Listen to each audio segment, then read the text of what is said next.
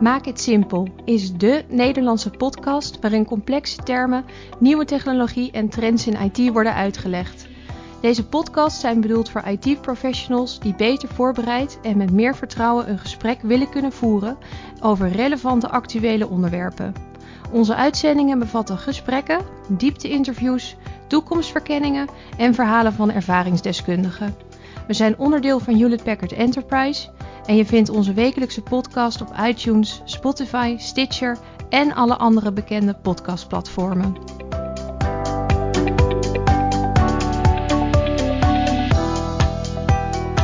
Welkom bij Maak IT Simpel. Deze keer gaan we het hebben over machine learning. Mijn naam is Clemens Esser en ik zit hier vandaag met Jeroen Bronkhorst.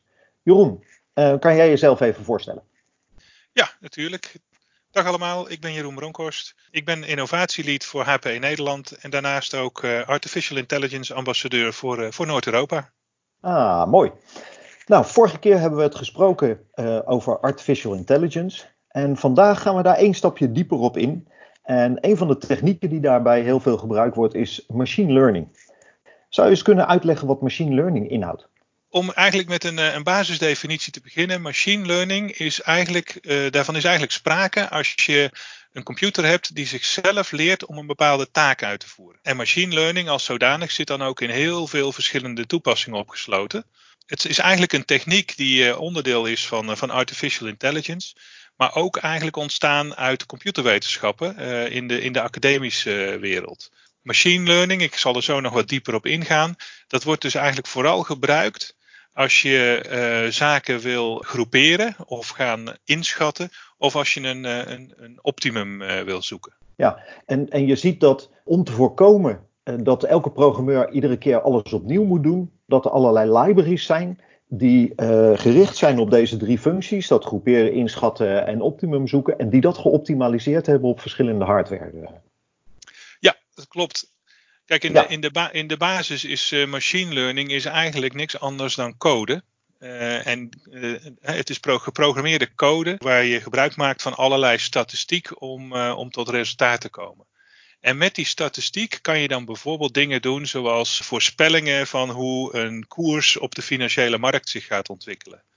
Of je kan zeggen van nou, ik heb nu hier een heleboel zeg maar betalingsverkeerdata. Ik wil nu gaan detecteren waar er sprake is van fraude. Waar in al die data zijn mensen bezig om dingen te doen die afwijken van normaal uh, betalingsverkeer.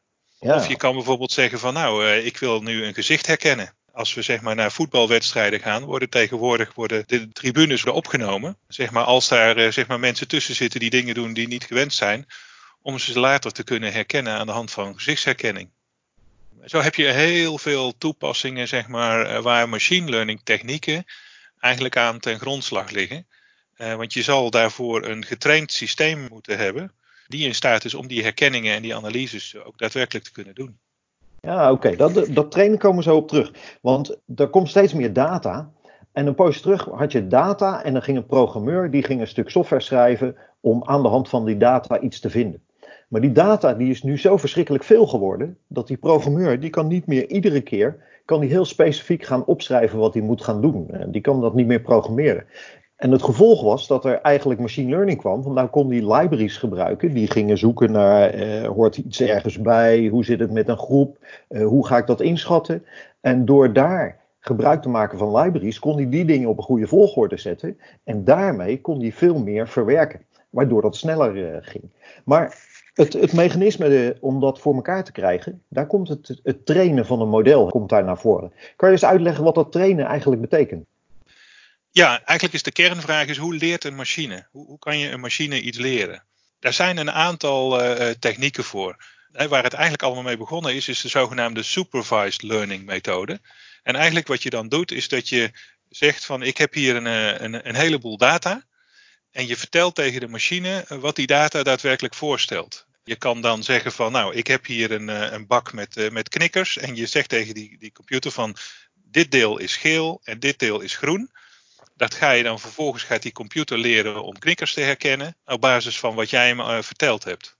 Nou, als je dat op een goede manier doet, dan kan die computer eigenlijk straks dingen gaan voorspellen. Bijvoorbeeld, wat gaat morgen de temperatuur buiten worden?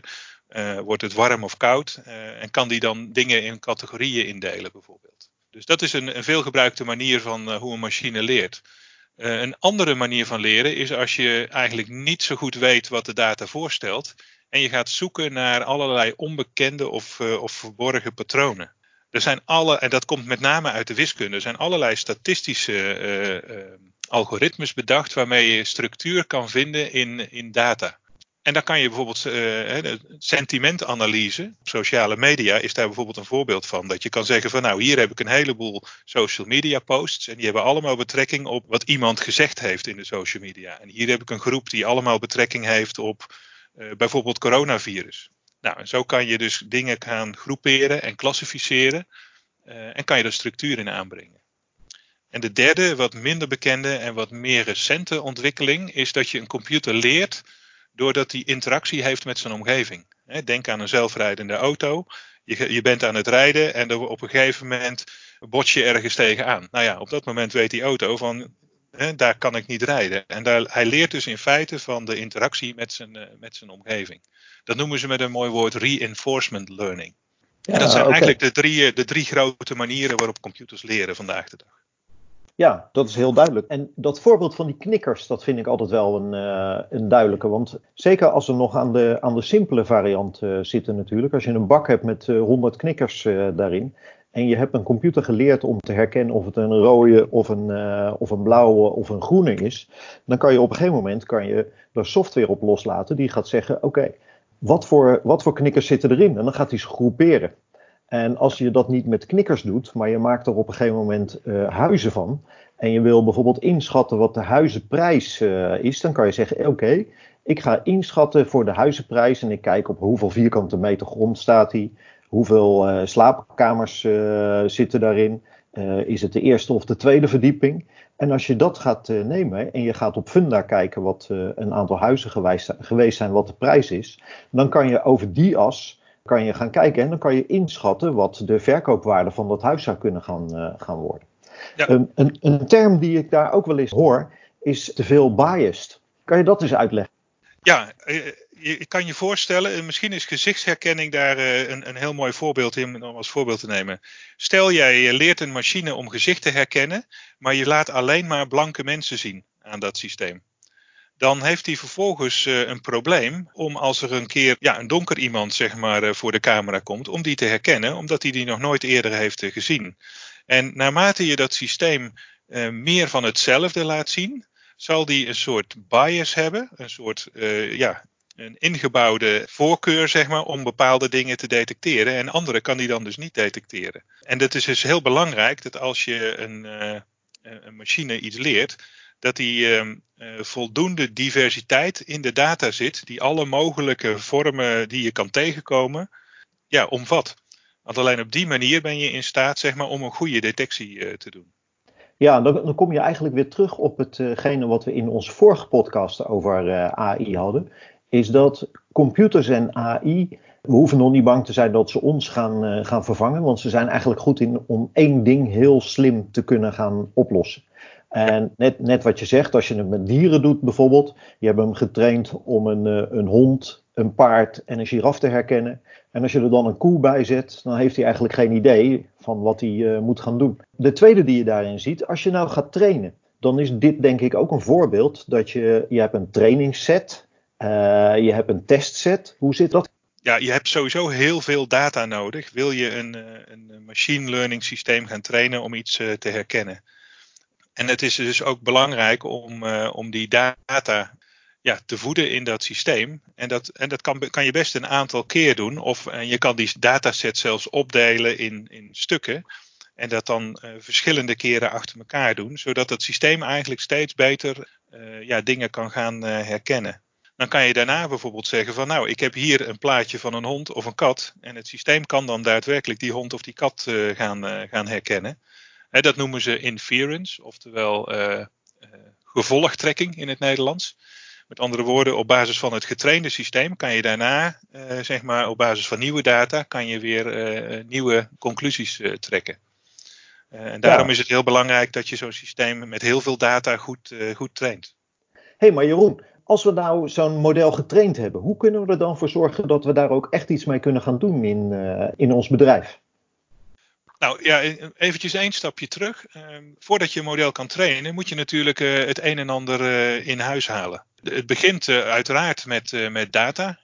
Maar wat belangrijk is, is dat je ook een, een hulpmiddel hebt waarmee je in staat bent om heel snel die libraries en die frameworks, waar we het eerder over hadden, om die uit te rollen. Het liefst doe je dat in containers. Ook zeg maar, gebruik je dat hulpmiddel om versiebeheer te doen over al die modellen die je maakt. want je kan je voorstellen dat je een model ontwikkelt op basis van een, een, bepaalde hoeveelheid data, maar dat je dan later, als je er weer nieuwe data aan toegevoegd hebt, dat je weer een nieuwe versie van het model hebt. Want dat model is dan weer slimmer geworden. Nou ja, daar moet je dan wel versiebeheer over doen. Dus daar heb je hulpmiddelen voor nodig. Uh, wij noemen dat MLOps. Uh, en die zijn wel heel belangrijk om die te hebben, want anders wordt het wel een hele erg handmatige aangelegenheid. Nou, en als je dan uh, een, een, toepassing wil bouwen die gebruik maakt van die uh, machine learning libraries, ja, dan is het ook heel belangrijk om na te denken van ja, wat voor infrastructuur stop je daar nou onder? En hoe snel wil ik dat die, die toepassing functioneert? Daar moet je goed over nadenken. Heb je hardware-acceleratie nodig? Of kan je met een standaard server kan je vooruit? Nou ja, dat soort vraagstukken zijn absoluut mede van belang om te bepalen hoe goed die machine learning toepassing uiteindelijk gaat eh, presteren. En last but not least, zeker als je met heel veel data aan de slag gaat, heb je absoluut data scientists en data engineers nodig die je kunnen helpen om de data te begrijpen en de data voor te bereiden. Want ja, garbage in is garbage out. Je hebt wel iets nodig, zeg maar, van uh, goede dataset en daar spelen dit soort uh, mensen een hele belangrijke rol in. Dus ja. uh, dat zijn een aantal dingen waar je rekening mee moet houden. Dus als ik hem even kort samenvat, zit het eigenlijk als volgt. We hebben op een gegeven moment een idee dat we iets willen gaan doen met AI. Daarmee maak je een model en dat model maak je met een aantal algoritmes waarvan een heleboel standaard eh, zijn op het ogenblik.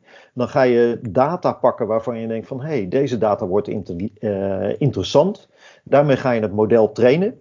En dan ga je hem een klein beetje aanpassen totdat hij alle antwoorden geeft die jij uh, erin stopt. En daarmee zeg je: Oké, dit is een koe, dit is een paard, dit is een giraf. En dat hij dat gaat herkennen. En dat moet je steeds beter nauwkeurig hebben. Als je dat hebt gedaan, dan ga je testen of, je, eh, of die dat ook met andere plaatjes uh, klopt. Want als je dat te precies hebt gemaakt, dan krijg je net dat je te veel gefocust bent op één ding. Net het voorbeeld wat je zei, uh, stop je daar alleen witte mensen in. En je moet er voldoende data in hebben, dat je juist de dingen die je gaat zoeken, dat je die ook gaat vinden. Nou, dat, dat zijn volgens mij dus de, de stappen die je daarin in krijgt. En dan hadden we nog de manieren van, van trainen. Dat je zei van supervised, dus alles wat je erin stopt, weet je wat het is. Unsupervised, dat je naar de patronen gaat, uh, gaat zoeken. Weer andere algoritmes die je in de wiskundewereld gebruikt. En hetgene wat jij zo mooi noemde, dat reinforcement wat nu gebruikt wordt. Bij Tesla's vooral. Uh, je ja. ziet, hoe reageren we daarin? Nou, volgens mij zijn dat wel een aantal dingen die een aantal zaken wel weer duidelijk hebben gemaakt volgens mij. Als we dan gaan kijken en we gaan in deze stap dat machine learning steeds een stapje verder gaat. Is het dan de moeite om de volgende keer nog een keer een uitgebreide te doen over deep learning? Zeker, ja, deep learning is een hele speciale uh, zeg maar, ja, evolutie van, uh, van machine learning, waarbij je eigenlijk bezig bent om machines te trainen op een manier die is geïnspireerd van, door het menselijk brein. dat noemen ze neurale netwerken. Dat is, dat is eigenlijk weer een, de nieuwste manier van machines leren en dat levert heel veel voordelen. Daar wil ik graag de volgende keer wat over vertellen. Ja, en dat misschien, is, uh, misschien is het ook een idee uh, om dan ook uh, wat te, met elkaar te spreken, of in een andere podcast, over swarm learning. als je nu bezig gaat met machine learning, dan is het vaak zo dat je alle data centraal bij elkaar brengt. Maar als je het hebt over bijvoorbeeld persoonsgebonden data, privacygevoelige data, dan wil je liever niet dat al die data bij elkaar op één plek gebracht wordt. Nou, daarvoor is een techniek uh, beschikbaar die in, de, in onze laboratoria, en die heet swarm learning, waarmee je in staat bent op een decentrale manier machines uh, te trainen. En dat is denk ik een onderwerp waar we ook uh, best wat langer bij zouden kunnen stilstaan. Nou, lijkt me een, een goed idee. Nou, Jeroen, ik vond het weer een, een leuk gesprek. Ik wil je hartelijk danken en tot de volgende keer. Bedankt voor het luisteren naar deze uitzending van Maak het Simpel. Wil je automatisch wekelijkse podcast ontvangen? Klik dan op abonneren in jouw favoriete podcastprogramma. Graag willen wij weten wat je vond van deze podcast en nodigen je van harte uit om een korte review achter te laten of een like. Heb je vragen of opmerkingen? Stuur dan een mail naar podcast.nl.hpe.com. Graag tot de volgende keer.